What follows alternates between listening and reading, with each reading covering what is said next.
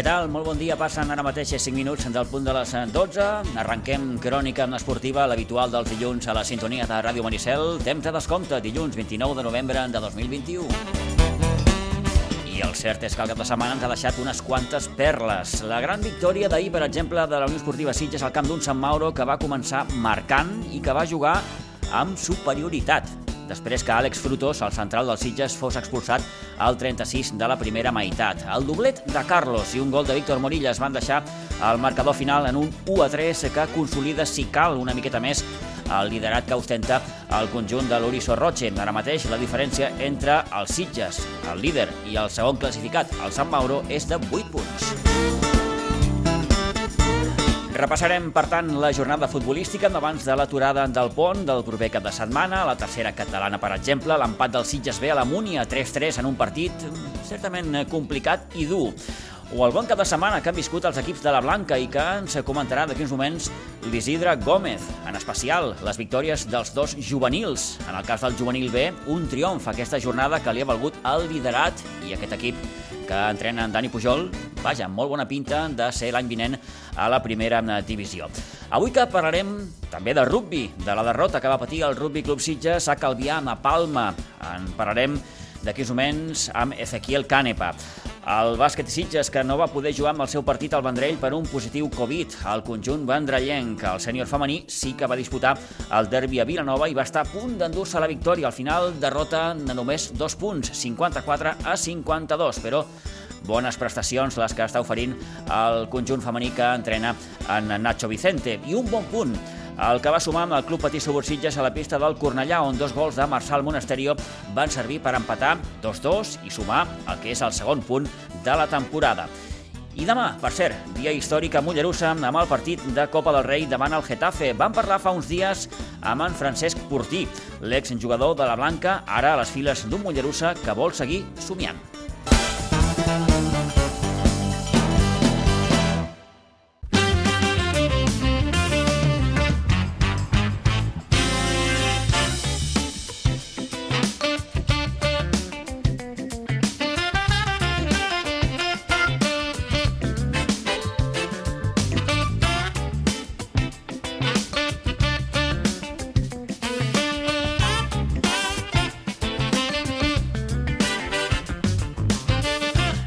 12 i 7, gairebé 12 i 8 minuts del migdia, el Rugby Club Sitges va perdre en la seva visita a Palma. Els barbarians de Calvià, que tampoc s'havia estrenat a la divisió d'honor B, va superar els sitgetans per un 18 a 0 i, per tant, sumen el seu primer triomf aquesta temporada. De moment, el Rugby Club Sitges no s'ha estrenat en aquesta divisió d'honor B. En parlem amb Ezequiel Canepa. Ezequiel, buenos días. Hola, buenos días, Pitu. Um, bueno, una nueva derrota, en este caso contra Barbarians. ¿Qué tal fue el partido? A ver, eh, bueno, sí, la verdad que es una nueva derrota y quizá contra uno de los equipos que, se podría haber ganado, que se tendría que haber ganado por, por posición en la tabla o con los que había más opciones. Pero bueno, el partido la verdad que fue marcado por una primera parte en la que no nos salieron muy bien las cosas, errores de decisión, momentos claves en los que había que, que consolidar la posesión o, o tener una obtención más clara se los escapa, ellos poco a poco fueron, fueron sumando y, y bueno, nada, la segunda parte marcada por el tiempo, lluvia lluvia muy fuerte, viento, el juego muy parado, muy detenido, o sea, sin, sin poder meter ritmo, sin poder eh, jugar básicamente, ¿no? Y bueno, y así y así pasó el partido y bueno, nada, una nueva derrota al casillero.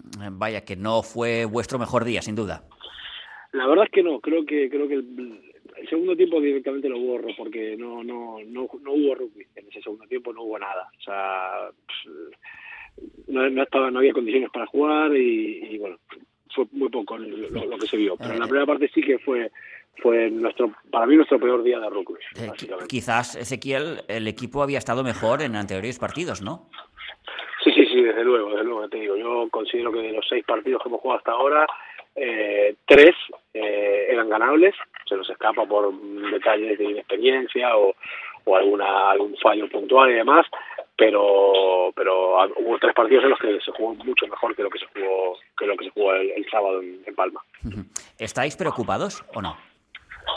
No, no, a ver, evidentemente eh, tranquilizaría mucho más tener una, una victoria a nuestro favor, ¿no? Por supuesto, una o dos o las que sean, ¿no? Pero la liga es larga, quedan, si no me equivoco, quedan eh, 13 partidos o sí, 12, 13 partidos eh, en los que, bueno, se pueden hacer muchas cosas, se puede, se puede mejorar, se puede ganar, por supuesto.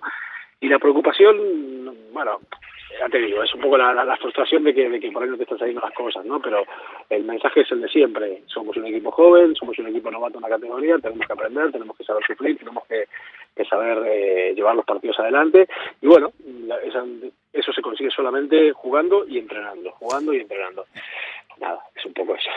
Aunque, eh, como comentas, la temporada es larga y queda mucho, eh, ¿tenéis en cierta manera sensación de ocasión perdida por no haber podido ganar el otro día en, en Palma?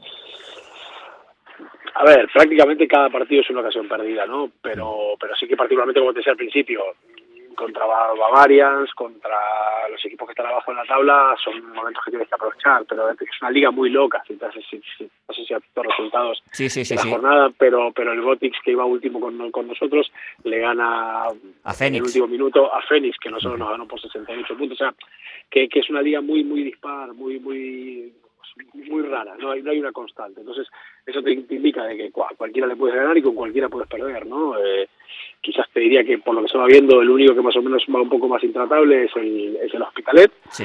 Y, y, bueno, y después, un poco más, ¿no? Porque al cabo ya nosotros lo tuvimos casi, casi para ganar y, y, y tampoco está sacando los mejores resultados. Pero bueno, eh, evidentemente perder eh, no, no, no motiva, no anima, pero la, la el objetivo no es la victoria, el objetivo es el trabajo, el proceso, el que los chicos eh, ganen cada, cada disputa que tienen en el partido, ganen cada duelo personal y esa suma de duelos, esa suma de, mini victorias nos va a llevar tarde o temprano a, la victoria. Esperemos que sea más temprano que tarde, pero nos va a llevar, seguro. De hecho, uh, Camilo nos ha comentado en más de una ocasión que, bueno, que esta temporada, a diferencia de, de las últimas, el equipo tiene más fondo de armario, hay más donde elegir. Es decir, que mmm, tienes jugadores en la reserva que en cualquier momento pueden aportar al 15.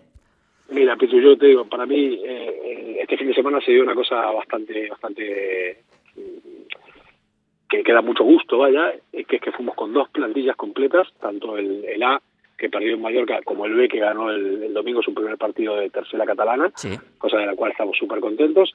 Fuimos los dos, los dos equipos con 23 jugadores y disponibles, o sea, gente que podía jugar, se quedaron siete jugadores sin ser convocados, más otros seis o siete lesionados, con lo cual es lo que dices tú, hay un fondo de armario y además ahí empieza a haber una competencia, una gente que quiere jugar, que no que, que no quiere quedarse fuera ni de la, de la convocatoria del B y que no quiere y que quiere jugar en el A, ¿me entiendes? O sea, empieza a haber esa esa esa cómo se llama esa esa dinámica de sí. que de que hay gente de que somos eh, 35 entrenando de que se pelea por el puesto sanamente de que se lucha y eso eso es inevitablemente te lleva a la mejora porque porque cuando compites cuando peleas es cuando te superas y cuando cuando creces no y, y digamos que si me, me preguntas, yo puede sonar conformista, la victoria este fin de semana, al margen de la del B, que suma puntos y está muy bien, es el haber ido con 23 a cada partido y con 6 disponibles que no pudieron entrar. Eso es una gran victoria. Bueno, dicen que cuando se pierde tanto se está más cerca de la victoria. Bueno, la ley de probabilidades, ¿no? Cuanto más no tengas, antes aparece el sí, ¿no? Sí. Eso está claro. Pero bueno, no, digamos que no consuela demasiado, ¿no? Ya, es ya, una forma a ver, el trabajo nuestro está en, en, hacerle entender a los chicos que, como ya sabes, son, es un plantel muy joven, es gente, el otro día el promedio de la cancha en el A era 22 años, ¿no? Con 13, con 12 jugadores de, los sí, 12 jugadores formados en la casa, o 13 jugadores formados en la casa en 15 titular, o sea, esa gente tiene que, que, que tenemos que hacer entender de que la victoria va a llegar, de que con tranquilidad, con paciencia, siguiendo un poco el plan de juego, siguiendo lo, lo que lo que los entrenadores intentamos inculcarles, va a llegar, pero también es difícil, ¿eh? yo los entiendo y, y, y, a veces se te viene el agobio encima, ¿no? Pero bueno, nada, ese trabajo nuestro de, de trabajar esa cabeza también un poco. Eh, sé que suena un poco atópico, pero qué orgullo ir por el mundo con, con gente de la casa, ¿no? Mira, te lo digo, hablábamos con el presidente de, del Toro, que es uno de los dos equipos que compone el, el Bavarian de Calviá, el Toro y el, y el Ponent y algún jugador suelto más y tal, y, y, y me decía Ezequiel, o sea, lo que tenéis es oro, o sea, porque, porque tenéis gente que viene de abajo, tenéis un, club en condiciones, tenéis eh, un futuro por delante increíble, ¿no? Las que nosotros no lo sepamos, pero lo que lo que también, por lo que dices tú, ¿no? Ir por allí pregonando la bandera o sacando la bandera de, la gente de la casa y la gente lo ve y lo aprecia, ¿no? Y, y, sabe el sacrificio, el esfuerzo que es eso y también se valora. Que no te sirve para sumar puntos, también, vale. pero, pero, pero no, pero es una realidad y que, y mediante ese trabajo va a llegar, va a llegar. La verdad que, que eh, estamos convencidos y estamos eh, totalmente seguros de que va a ser así. Eh, no te da puntos ahora, pero en un futuro te los dará, seguro. sin duda. Oye, acabo. Mm, permíteme que te pregunte por un, por un chico que me parece que conoces un poquito, un tal Noah Canepa, que, que, es uno de esos jugadores, bueno, que, que, que, en un futuro han de ser importantes, ¿no? Que, este año, si no me equivoco, ha debutado con el primer equipo, que ha jugado uno europeo con el sub-18 de, de, España. Bueno, un, un orgullo, supongo, para ti personalmente como padre, ¿no? A ver, evidentemente, como padre, sí, seguro que tú lo sabrás, lo que quieres es que a tus hijos les vaya bien y disfruten y sean felices y se la pasen bien, ¿no? Y, y si además hacen un deporte del cual tú eres parte hace, tengo 47, hace 35 años más o menos que estoy metido en el mundo del rugby, pues más aún, ¿no? Y verlo, verlo disfrutar de su sueño, de, de, de convocar para la selección, de poder debutar. Él, él este año tenía opciones de, marcharse a, a, equipos de otra categoría y demás. Y su decisión personal fue, papá, yo quiero debutar en el senior del club, del Rugby Luchiches, en la grada, con la gente de mi club, eh, estando allí. Y esa fue su decisión. ¿no? no sé lo que pasará el año que viene, no sé lo que pasará en próximas ocasiones, mm, si, si, si cambiará, si no cambiará, pero su, su decisión fue esa y, y la verdad que se le hace un poco también un poco cuesta arriba porque porque también hay mucha expectativa, mucha, muchos ojos puestos en y también hay que trabajar con un chaval de 18 años que no tiene que tener esa responsabilidad o esa carga de ser quien tenga que hacer las cosas, ¿no? Y eso hay que transmitírselo y, y, bueno, si bien toma las responsabilidades porque está haciendo el que chuta palos o el que se hace la salida de medio campo o el que chuta los balones afuera, que son momentos puntuales del partido en el que la, la acción tiene que ser correcta y genera una presión añadida, realmente es un chaval que no que que, no, no, le pesa la presión. Pero cuando se va sumando, porque las derrotas continúan y demás, supongo que igual que a los demás se le va cargando un poquito más de peso. Pero bueno, digo, la verdad que te hablo como padre y te hablo como entrenador, creo que, que, como padre no puedo estar más que orgulloso y encantado de que esté en el club y de que, y que rinda como está rindiendo y como entrenador, bueno, tiene que mejorar muchísimas cosas porque, porque es un chaval y hay mucho que arreglar y bueno, y en eso estamos, pero también tiene que seguir dándonos pues un punto de calidad extra que, tiene. Pues es así. Ezequiel, un placer eh, hablar contigo nuevamente, que vaya muy bien y suerte de cara a los, a los próximos compromisos. Y tú, encantado, muchas gracias y siempre que necesitéis, aquí estamos. Gracias, un abrazo. Venga, un abrazo, hasta luego.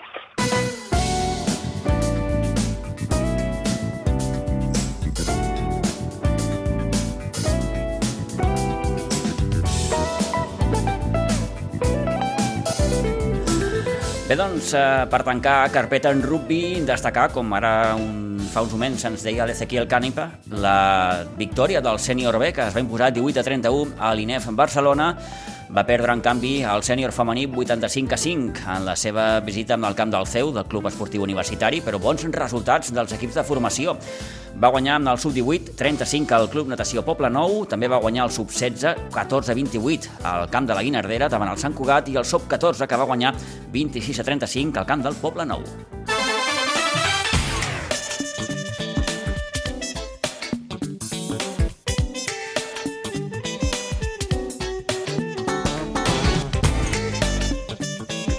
Dotze i 19, obrim carpeta futbol. D'entrada, dues bones notícies per començar en el que ha estat un molt bon cap de setmana per als equips de la Blanca.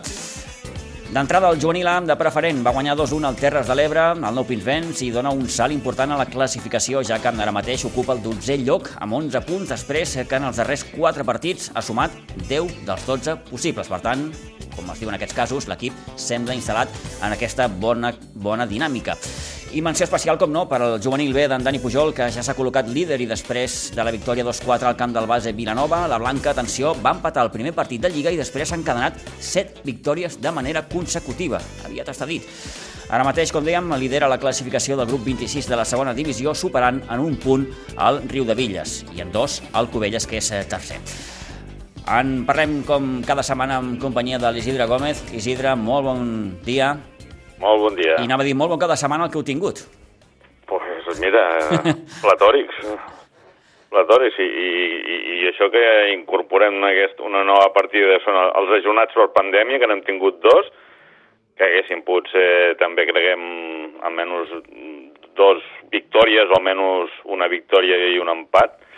O sigui que, no, no, platòrics estem ahir, ho dèiem tots, i són jornades aquestes que portem que no ho havíem vist mai, uh -huh. o no ho recordem, vaja. Bé, doncs que duri. D'entrada, eh, Isidre, com dèiem, destaquem aquestes dues victòries dels juvenils, la que es va desfer del Terres de l'Ebre, va costar, però en fi... Molt, molt. Eh?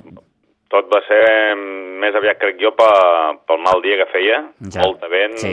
que va perjudicant tots dos equips, però sí, perquè no es va veure fa pràcticament futbol, pilotes mm, fèiem uns estranys que els nanos ni controlaven ni podien jugar bé. Jo veies nanos que la toquen bé, que, que, que eren incapaços de jugar-la, molta bé, molta bé, i a part de fred, o sigui que sí, sí, era no, no, el, el, el, dificultós. El, el, el dia d'ahir va ser, va ser molt dolent per, per, per, per la pràctica esportiva, sobretot a l'aire lliure, no? I bé, en aquest cas, la Blanca se'n van sortir amb aquesta victòria 2 a 1 i l'equip, com dèiem, està ara en un, en un moment òptim, eh? Sí. numèricament, 12, 10 dels 12 últims possibles, per tant, eh, això l'ha permès sortir, eh? començar a treure el cap ja la classificació. Estem en un lloc tranquil·let i aviam si la setmana que ve que anem al camp del segon podem, bueno, la setmana que ve l'altra, sí eh, podem treure alguna positiu també i eh, consolidar-nos aquí i, si es pot, anar pujant miqueta, miqueta. I aquest juvenil B d'en Dani Pujol, Isidre, que, que, que va com un coet. Va com un coet, va com un coet, ho dius. Eh, esperem que es mantingui així i que al final de la temporada podem gaudir de l'ascens a, a primera divisió, que seria important de cara al salt dels nanos a, a, al preferent si, si es manté, tenir un equip a preferent i una primera seria estupendo. Sí, sí. Eh, tret del primer partit de Lliga que van empatar, ara ho estava mirant, set victòries consecutives porta aquest juvenil B. Sí, sí, no, treballen bé, so, veig, he vist alguns entrenaments, els nanos s'ho passen bé i això després es reflecteix al camp. Perfecte. Doncs hem començat per aquí, la resta també bones notícies. Bueno, sí, anem tirant. Mira, el cadet A va guanyar 3 a 1 al Corbera, el cadet B es va imposar 5 a 0 al Ribes, en categoria infantil, a l'infantil A eh, va ser l'única derrota d'aquesta setmana, va perdre 1-0 al camp de l'Igualada. L'infantil B es va imposar 9-1 al Mar Bartra, a Pinsbens, i el C va guanyar 0-6 al camp de l'Hortonenc. En categoria Alevin, l'Alevin A va empatar 3-3 al camp de l'Sporting Gavà 2013. El B va guanyar 5-3 a la Fundació Unió Esportiva Cornellà a Pinsbens el C es va imposar a Pinsbens 11-0 al Cubelles F i finalment el D es va imposar a Sant Sadurní el B per 0 a 13. En categoria Benjamí, el Benjamí A va ser ajornat per lo que dèiem de temes de Covid. El B es va imposar 3 a 4 al camp de l'Atlètic Sant Just.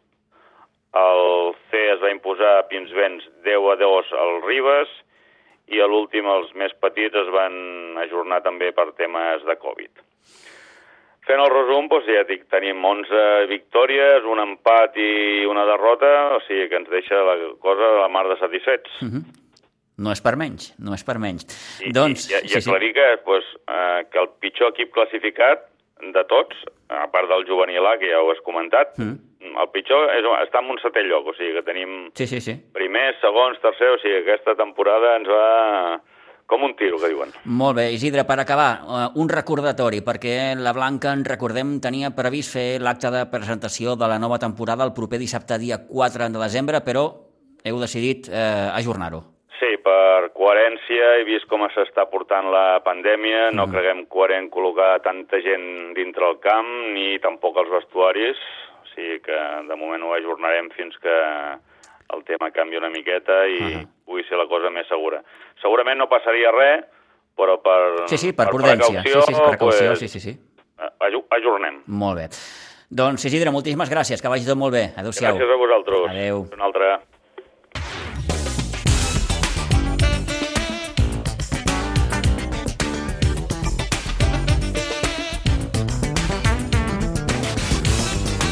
Doncs i pràcticament 25 minuts del migdia i demà demà dia 30, dia històric a Mollerussa.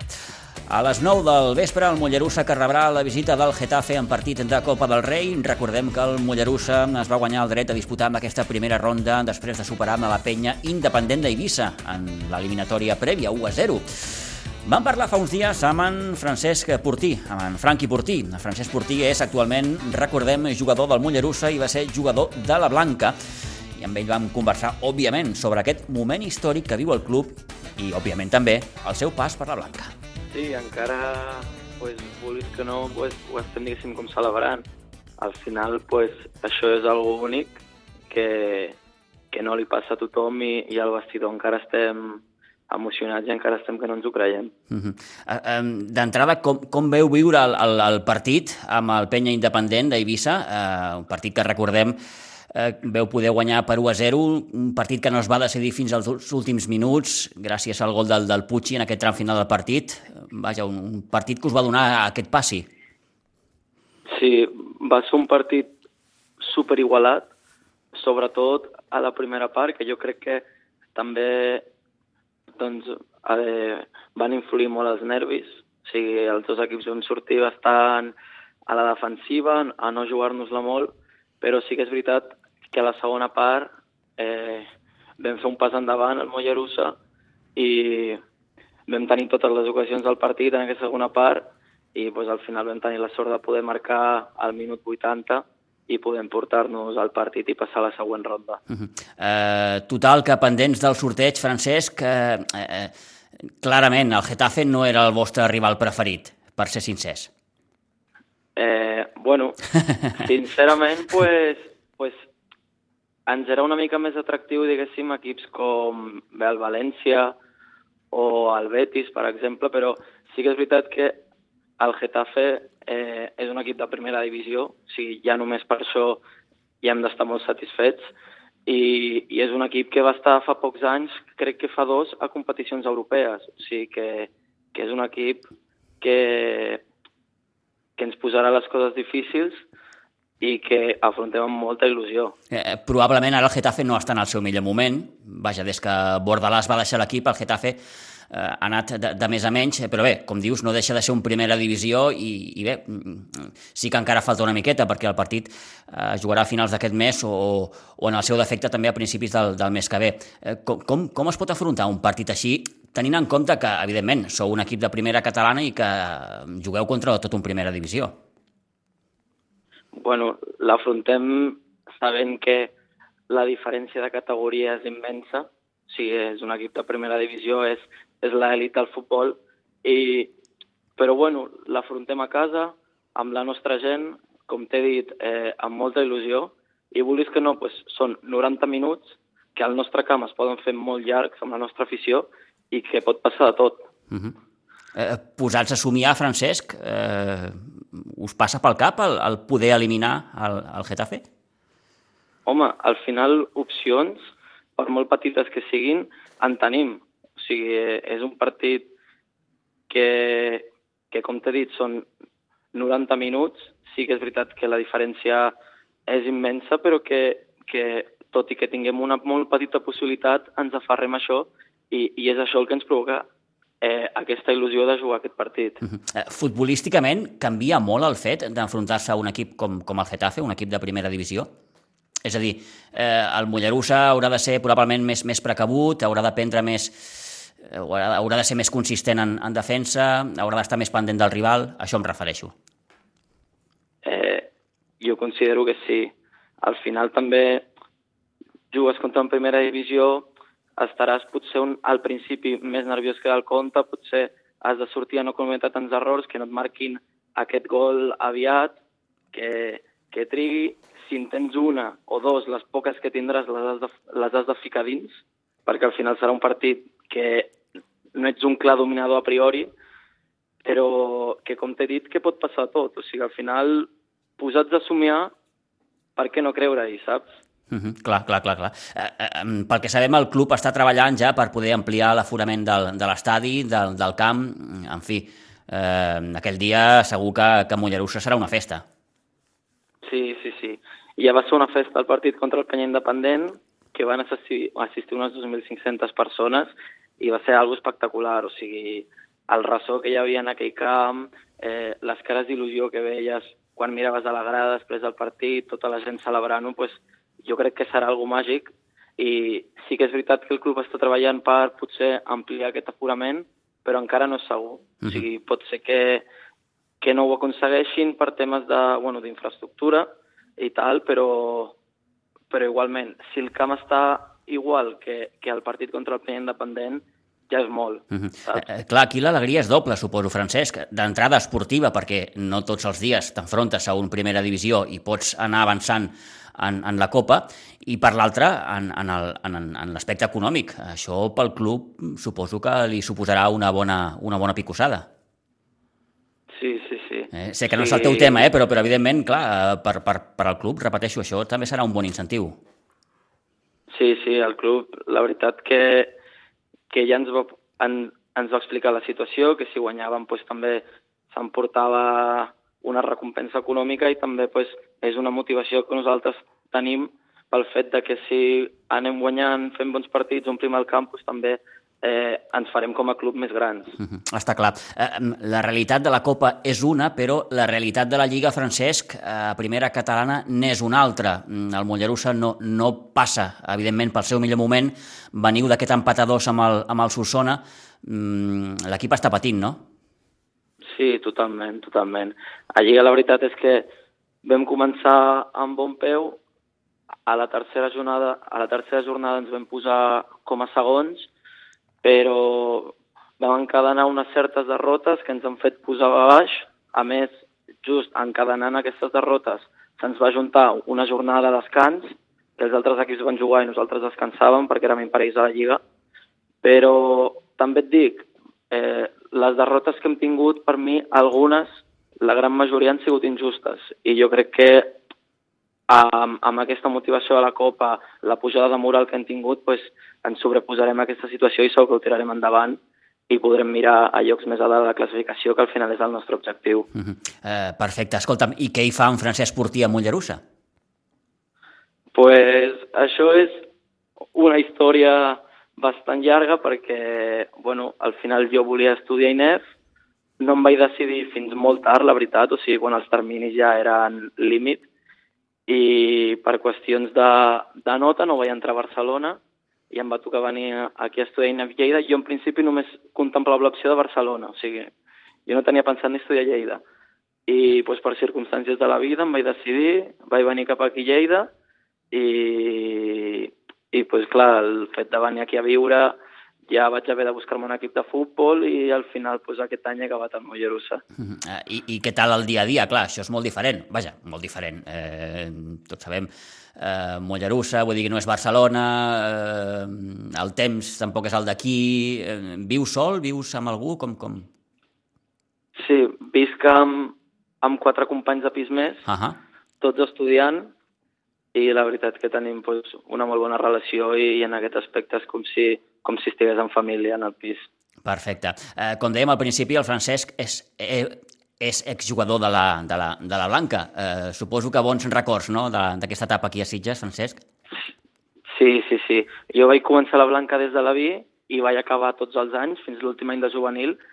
Vaig ser entrenador, a més, també, a l'equip, uh -huh. i la veritat que li tinc un carinyo molt especial. O sigui, sempre que vaig a Sitges intento anar a veure partits del, del, juvenil, del juvenil de la Blanca i diguéssim que jo encara estic aferrat en aquest club, que, que li tinc molt de carinyo. I suposo, Francesc, que aquests dies ha estat una bogeria, no? El, el, el mòbil suposo que treia fum, eh? Amb els missatges, whatsapps... Fuà, fuà, impressionant, t'ho juro, eh? O sigui, vaig rebre una quantitat de missatges de, de gent de Sitges, de, de coneguts, de familiars, d'amics, que, que mai m'havia passat en la vida. O sigui, va ser algo impressionant. Mm -hmm. eh, bueno, és allò que, que mm, els futbolistes dels, dels clubs modestos sovint diuen, no?, quan es troben en una situació com aquesta, no? Vull dir que eh, allò de, de viure en un somni gairebé, no? De dir, bueno, és veritat tot això que està passant?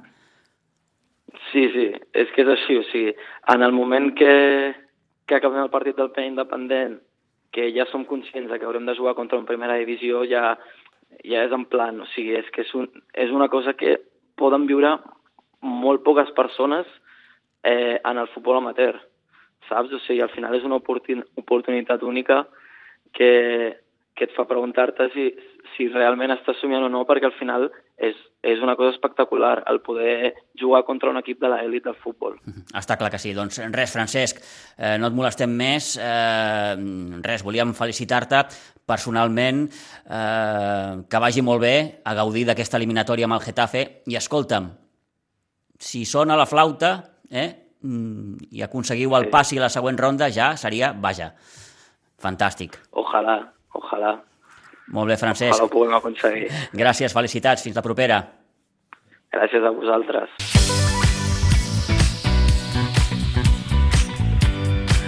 Bé, doncs tota la sort per en Franqui Portí i pel Mollerús, en definitiva, per al partit de demà davant el Getafe.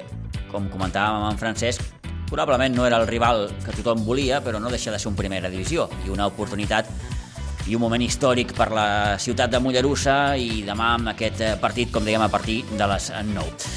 Eh, deixem Mollerussa, deixem la Copa, tornem a casa perquè aquí la Unió Esportiva Sitges és una mica més líder.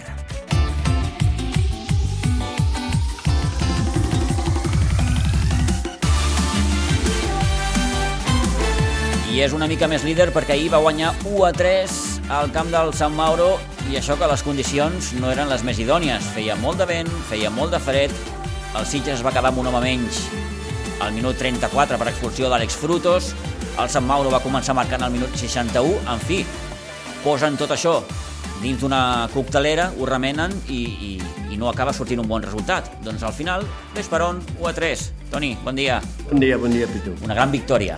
Una gran amb majúscules, victòria. eh? Una gran victòria perquè era el camp més complicat. Eh, primer, perquè és un camp molt gran, allà el Sant Mauro juga molt bon Sí, sí. futbol.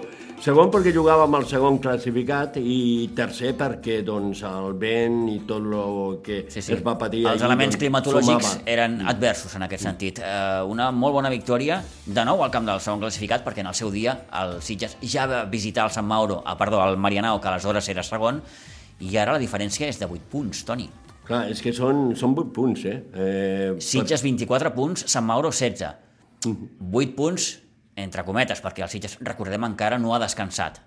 Ja, Per tant, ja, ja. Té, té, té aquest partit de més, diguem-ho així. Sí, correcte, correcte, però clar, eh, el Sitges no ha descansat, eh, descansarà, però de moment va jugant i va guanyant. Eh, Després, quan descansi, potser eh, els rivals que tenen, doncs, que té per sota, eh, eh, no guanyen, no? Quan li Clar, clar, descansar, clar. no? De fet, quan tu descansis, els altres han de fer la feina. Clar, clar, tot suma, no? I de moment ell eh, està fent la feina i la feina ben feta, eh? perquè cinc victòries consecutives en aquesta categoria és molt, eh? 5 victòries consecutives, és una dada aquesta brutal. Sí, és molt, és molt, és fet el molt. ple al 15, com es diu. Sí, correcte. I a més a més, si no recordo malament, el Sitges tan sol ha encaixat tres gols a Can Contrari.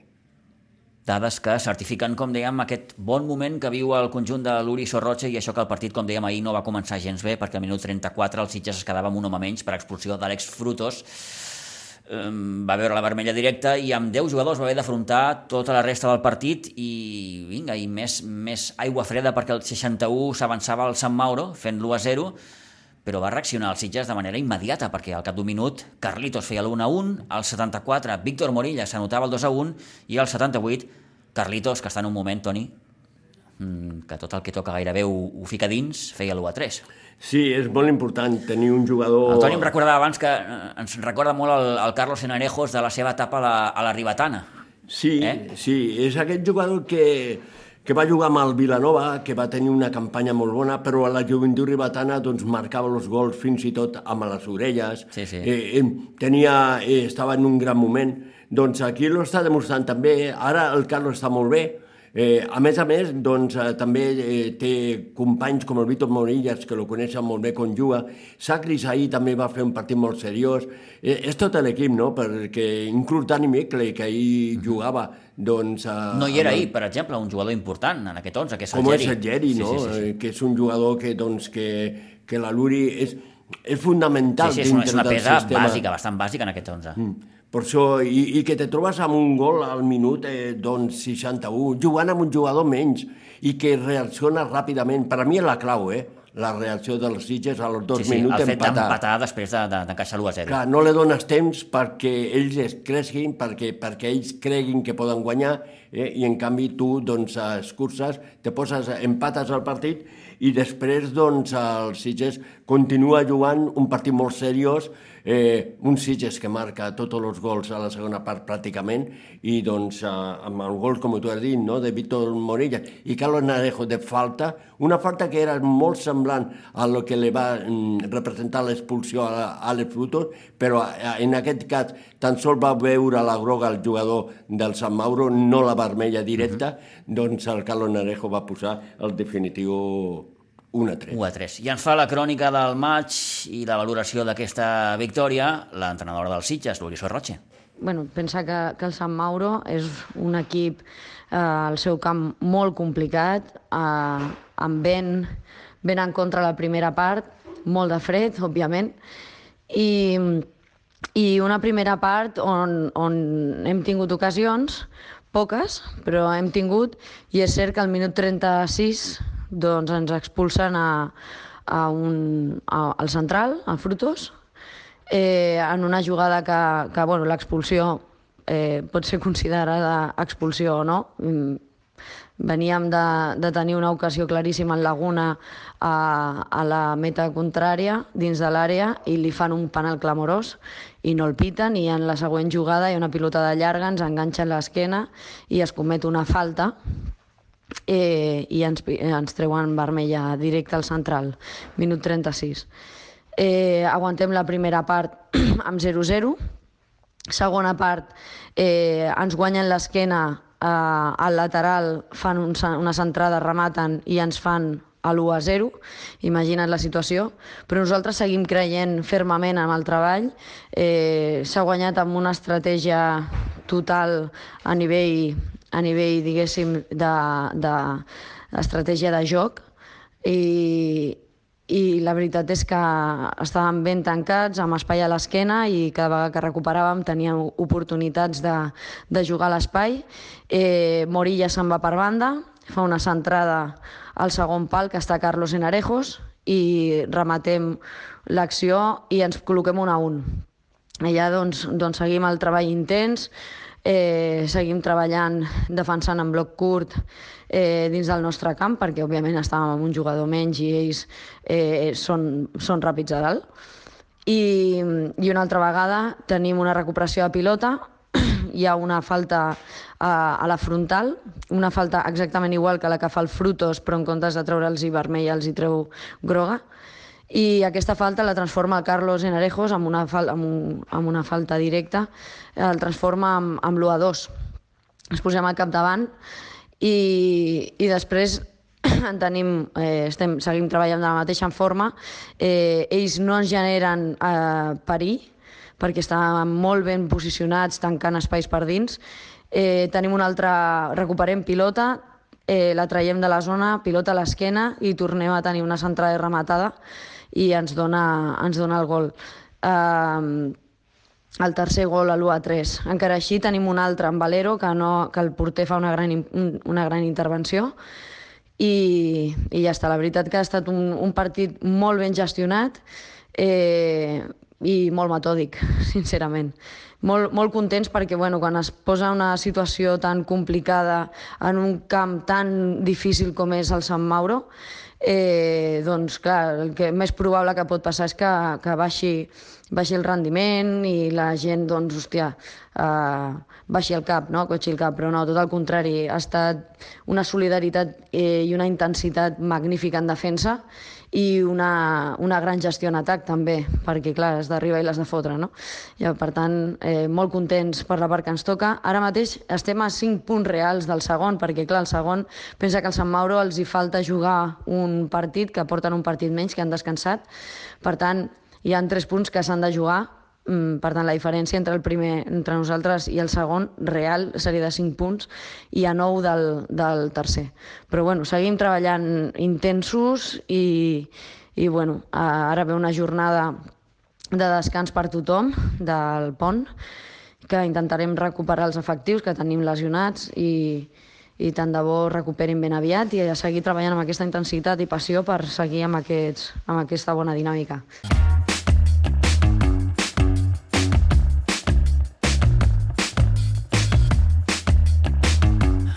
Les valoracions que feia postmatch l'Uri Sorroche, aquest pont del cap de setmana que haurà de servir, entre d'altres, com comentava l'entrenadora dels Sitges, per recuperar amb algun que altre lesionat de cara al partit del 12 de desembre aquí al Municipal d'Aiguadols contra el Sant Andreu de la Barca. A tercera catalana, Toni, el Sitges B va sumar un punt en la seva visita amb el camp de la Múnia.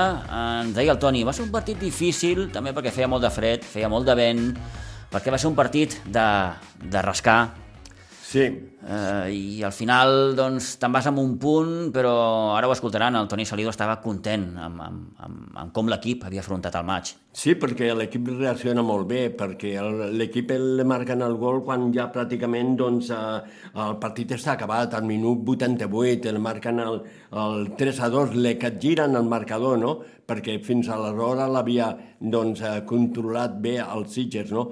I tot això reacciona molt bé, no? I, i és per això. El Sitges que té el vent a favor a la primera part, potser no aprofita bé la Aquest primera fet. part uh -huh. eh, de tenir el vent perquè és que bufava molt, però molt, era molt difícil controlar la pilota i doncs eh, no l'aprofita. Un Sitges que s'adalanta al minut 19, en Gianmarco feia el 0-1, que el 25 eh, l'empata a la Múnia amb una jugada per la banda, en la que jo crec que eh, Lobato, el porter, doncs surt a massa i le creua la pilota i marca l'empat a un, i al minut 27 el Pau Junyent marca l'1-2. Eh, un domini total de la primera part dels Sitges, en el que doncs, amb el vent a favor va arribant i té ocasions fins i tot per anar al descans amb un, amb un resultat molt més ampli. Més ampli. No? Eh, a la segona part doncs, eh, canvia la decoració, el vent a favor ho tenen ells, eh, la cosa es complica una miqueta, però el Sitges té ocasions per a marcar gols, eh?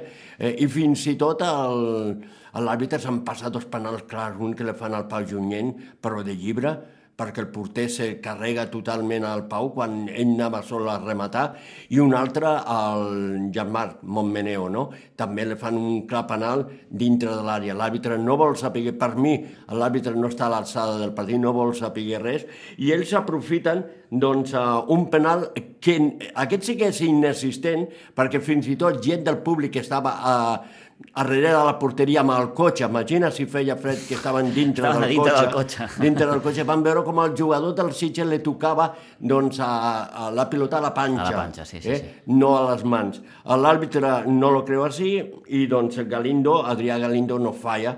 És, el màxim, és un dels jugadors que Mm, que no falla, molt de sí, gol sí. Eh, i marca l'empat a dos i un minut res a la jugada següent le marquen el, el 3 a 2 el mateix Galindo i tot i això el Sitges reacciona i és Musa el que doncs, busca un penal dintre de l'àrea eh, lo traven, cau i el penal doncs, l'acaba marcar el Marc Gili al 3 a 3. Max Gili, autor d'aquest empat que li dona al Sitges ben aquest punt i la valoració que feia Toni Salido en acabar el partit, aquesta. Pues sí, la verdad que sí, estoy súper contento, súper orgulloso de ellos porque la verdad que lo que han hecho hoy eh, es increíble, ¿no? Eh, aguantar toda una segunda parte en viento en contra, con un aire alucinante y aguantar el chaparrón. Y bueno, al final, cuando quedaban tres minutos, nos pitan un penalti que creo que es súper injusto, porque no, para mí no es nada penalti, y nos pitan uno que, hace que, se nos pongan por delante. Eh, bueno, en el saque de centro, vamos a sacarla al largo, eh, se va para atrás la pelota y nos meten el segundo, ahí el tercero. Eh, el tema está en que tienen una capacidad de reacción increíble, que no dan un partido por perdido, o sea, aguantan hasta el final y bueno, ya hemos tenido la suerte de que, de que Musa se quedaba solo, la han tirado a pita penalti y bueno, y hemos podido sacar un punto aquí que prácticamente no íbamos con de las manos vacías después del gran trabajo que habíamos hecho durante todo el partido, con una primera parte muy buena, que hemos tenido ocasiones para, para tener una ventaja más amplia, entonces muy contento de hoy por el trabajo y, y nada, felicitarlo. Tinc molta culpa de tot com ha anat. La primera part bé, eh? teníem el vent a favor, però ha tingut molta culpa de tot com ha anat l'arbitratge, ¿no? Perquè ha consentit massa, ¿no? No, yo creo, eh, ¿sabes? No, no, no, suelo nunca hablar de los árbitros, lo que pasa que, bueno, no, no, no, no sé si ha sido por, por el aire, porque se le ha ido de las manos el partido, pero dejaba dejaba pasar cosas, otras cosas, otras faltas las pitaba así muy tontas, o sea, se ha complicado creo que él solo y bueno, y la verdad que, que con estas acciones al final se van calentando los chavales, eh, después te claro, estás haciendo un trabajo espectacular con un sacrificio enorme y que te piten el penalti este a falta de tres minutos, eh, pues la verdad es que duele, es normal que, que salga la rabia porque, porque al final eh, es injusto, ¿no? De que, de que estés sufriendo todo el partido, de que te lo estés trabajando, de que y que, y, que se te puedan escapar los puntos por una acción que se la saca de la manga, eh, la han apretado bastante y, bueno, y al final pues ha salido con esta acción, ¿no? Pero bueno, al final, independientemente del árbitro, estoy muy contento de estos chavales que cada día eh, se, están superando, se ponen las cosas torcidas y, y siguen para adelante, tienen una actitud muy buena y muy contento, la verdad. Tal com havia anat el partit, al final era molt difícil acabar empatant, eh? Ben en contra, tot en contra, súper difícil, el temps ja estava acabat, molt complicat, ¿eh? Pues sí, porque incluso con el ha pitado penalti y es cuando parecía que bufaba más el viento, o sea, ha sido, ha sido la verdad que muy, muy, muy bueno, increíble de, de, de poder haber podido meter este, eh, este penalti ¿no? y, y, llevarnos este punto que creo que, que tal como se había puesto el partido, que nos sabe a poco, sí, pero los últimos tres los últimos cinco minutos nos sabe mucho este punto. Y ya la última, ¿qué te ha sembrado la Munia? Bueno, la verdad que hoy poco juego se podía ver porque eh, con el aire este que hacía era prácticamente imposible ver el juego real de cada equipo, ¿no? Pero bueno, es un equipo bueno con jugadores como Galindo que, marcan la diferencia. Eh, al final, al final yo creo que harán un buen papel. Bé, doncs, eh, Toni Salido, després d'aquest empat a 3 eh, a la Múnia, que deixa el Sitges ben a la quarta posició. De fet, ha perdut el tercer lloc, perquè la Pobla de Claramunt li ha, li ha pres, després de la seva victòria 2-3 al camp de l'Ateneu Igualadí. Una jornada que també ens ha deixat la victòria del Ribas 2-1 al seu camp contra les Cabanyes, a Toni, i la derrota de l'Atlètic Vilanova 1-0 amb el Montbui, que ha suposat la Déu de Walter Lamy. Sí, s'ha cansat. Eh, doncs s'ha cansat Walter Lamy de tot, eh, de les circumstàncies, de l'equip, de que doncs, s'ha avorrit d'estar fora de la banqueta i ha decidit doncs, a deixar l'equip. Uh -huh. Mm, aquest Atleti Vilanova tan irregular, no? Que encadena dos, tres victòries consecutives, després eh, torna a perdre, en fi és molt difícil, ell parlava meravelles de, dels jugadors, que ho donen tot, però és molt difícil doncs, entrar un equip d'aquests. I per mi un dels mals que té aquest equip és l'entrenament.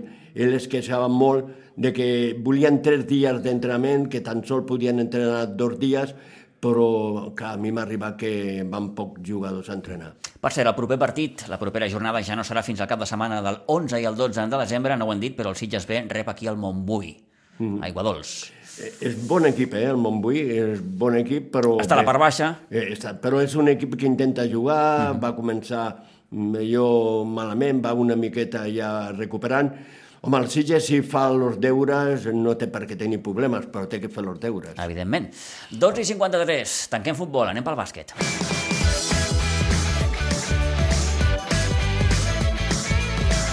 El bàsquet Sitges que no va poder jugar per ser el seu partit al Vendrell. El partit es va haver d'ajornar per un positiu de Covid en el conjunt vendrellenc que amb el d'aquesta darrera jornada ja acumula tres partits eh, pendents. De moment encara no hi ha data per jugar amb aquest partit. El proper que disputarà amb el bàsquet Sitges serà un cop passat el pont, el dia 11 de desembre a la pista del Salou. Qui sí va disputar amb el seu partit va ser el sènior femení, que ahir va perdre de només 2 punts, 54-52 a la pista del nou bàsquet Vilanova. Després d'un mal inici de marxar al descans amb un desavantatge de 10 punts, 35-25, les noies de Nacho Vicente van saber reaccionar fins al punt d'estar molt a prop de guanyar, amb una darrera possessió que no va entrar. En l'apartat d'anotació, Enda Camproví amb 16 punts i Ona Gutiérrez amb 14 van ser les màximes del bàsquet Sitges. Ens fa la crònica del partit, precisament el tècnic Nacho Vicente. I bueno, hem començat, la veritat, que sense poc encert, ens costa molt sempre que anem a, a la pista transversal de Vilanova a notar i aquest partit ha sigut igual. Hem començat des de l'inici sense anotar, um, només algun tir lliure aïllat uh, i, el, i el Vilanova que tampoc estava notant molt fluidament però s'anava marxant en el marcador amb una diferència de 10 punts. Hem acabat el primer quart perdent 10 punts, el segon han arribat a guanyar elles de 18, que anaven 28 a 10, i, i bueno, ha sigut al final del segon quart on s'ha vist una miqueta de, de llum. Hem robat una, un parell de pilotes seguides per fer contraatacs. Eh, la Judit Massana avui ha debutat amb el, amb el sènior i ha fet un gran partit de base, ha, ha, ha robat pilotes, ha sortit al contraatac, ha fet que l'equip corrés una miqueta i en aquest moment ens hem posat a la mitja part, hem anat 10, però amb una, a menys 10, però amb una miqueta més de, com de sensacions de que es podia, de que es podia treure el partit endavant. La segona part hem canviat de totalment, hem començat a defensar fort, hem estat més, més fortes amb el rebot, que ja tenien un joc interior molt alt, però en el segon quart hem jugat més fortes, hem agafat més rebots, hem pogut sortir corrent moltes vegades, ens han començat a entrar els tirs exteriors. I, bueno, i al final ha sigut una llàstima perquè a falta de 5 segons hem tingut l'últim trip, hem tirat un triple per, per guanyar, hem agafat el rebot, hem tirat una, un aro passat a sota l'aro i no ha pogut entrar i al final hem perdut de dos, però bueno, tret del primer quart i mig, eh, la resta del partit ha sigut molt bo, han competit, han lluitat i, i bueno, ens quedem amb una sensació positiva que portàvem una, una ratxa ja positiva dels últims partits, que anàvem guanyant i amb bons entrenaments, i ha sigut una llàstima perdre un partit que, el, que l'haguéssim pogut guanyar, però això és el resum del partit.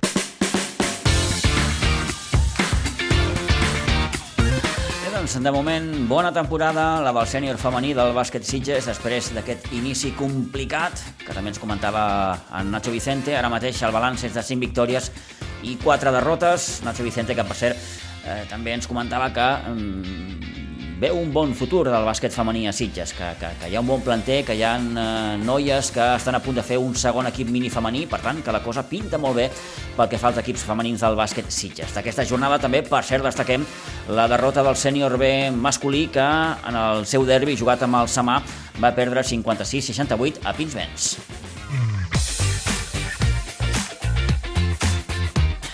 I en hoquei patins, el Club Patí Subursitges que va sumar un punt en la seva visita el passat dissabte a la pista del Cornellà, en dos gols de, Marçal, de Marçal Monasterio, que en reapareixia, per cert, després de diverses setmanes de baixa per lesió, van permetre aquest empat a dos per començar la segona volta del campionat. I això, Toni, que tu vas parlar amb el Jofre fa uns dies i no hi comptava gaire amb un bon resultat a Cornellà. No, eh, no, no, ell ho tenia clar, ell anava a competir perquè... No és fet, la nostra lliga. Però no era la seva lliga, perquè sí, sí. a més ell de, deixava clar que aquest és un equip que lluitarà per l'ascens, en canvi ells tenen que lluitar pel descens. De tota manera, ell estava satisfet de que l'equip estava doncs, d'alguna manera entrant en dinàmica i això perquè el partit que havien jugat amb el Monjos l'havia agradat molt i doncs ell pensava de que a partir d'ara començava a canviar les coses i així ha sigut. Eh? I ben retrobat eh, Marçal Monasterio perquè de fet, si no m'equivoco, va jugar el primer partit i després, degut a una lesió, ja no va poder tornar a la pista. Sí. Fins aquest passat dissabte que, com dèiem, va ser important després d'aquests dos gols que, bé, un punt és un punt a Cornellà. De fet, si fem números, ja s'ha començat millor sí. que la primera volta, perquè aquesta la setmana, recordem, començava la, la segona volta. Per tant, aquest segon punt que permet als Sitges no abandonar la cua de la classificació, però ara cap a Andorra, perquè ens recordem que aquest dissabte, dia 4, jugarà un partit ajornat a la pista de l'Andorra. Allà sí, Exacte. Allà sí que has d'intentar posar tota la carn a la graella, com es diu en aquests casos, i intentar guanyar. Correcte, aquest sí que és un rival directe, eh, però tot el que sigui sumar és bo. Aquest punt de Correnyà mm. és boníssim pels Sitges. I eh? tots aquests punts que tinguis ara et Clar. serviran per la segona fase, correcte, eh, que és eh, correcte. quan t'hauràs de jugar a les Garrofes per no perdre la categoria. La categoria. Eh, D'aquesta jornada, per cert, eh, destaquem també la derrota 3-2 de l'Aleví a la pista del Vic i que han estat suspesos els partits dels Benjamins i els prebenjamins també per la qüestió aquesta del, del, del Covid dels nassos nassos. En fi. Toni, moltes gràcies. Molt bé. Que vagi molt bé, bona setmana. I a vostès també agrair-los de nou per la confiança una setmana més. Que vagi molt bé. Adéu-siau.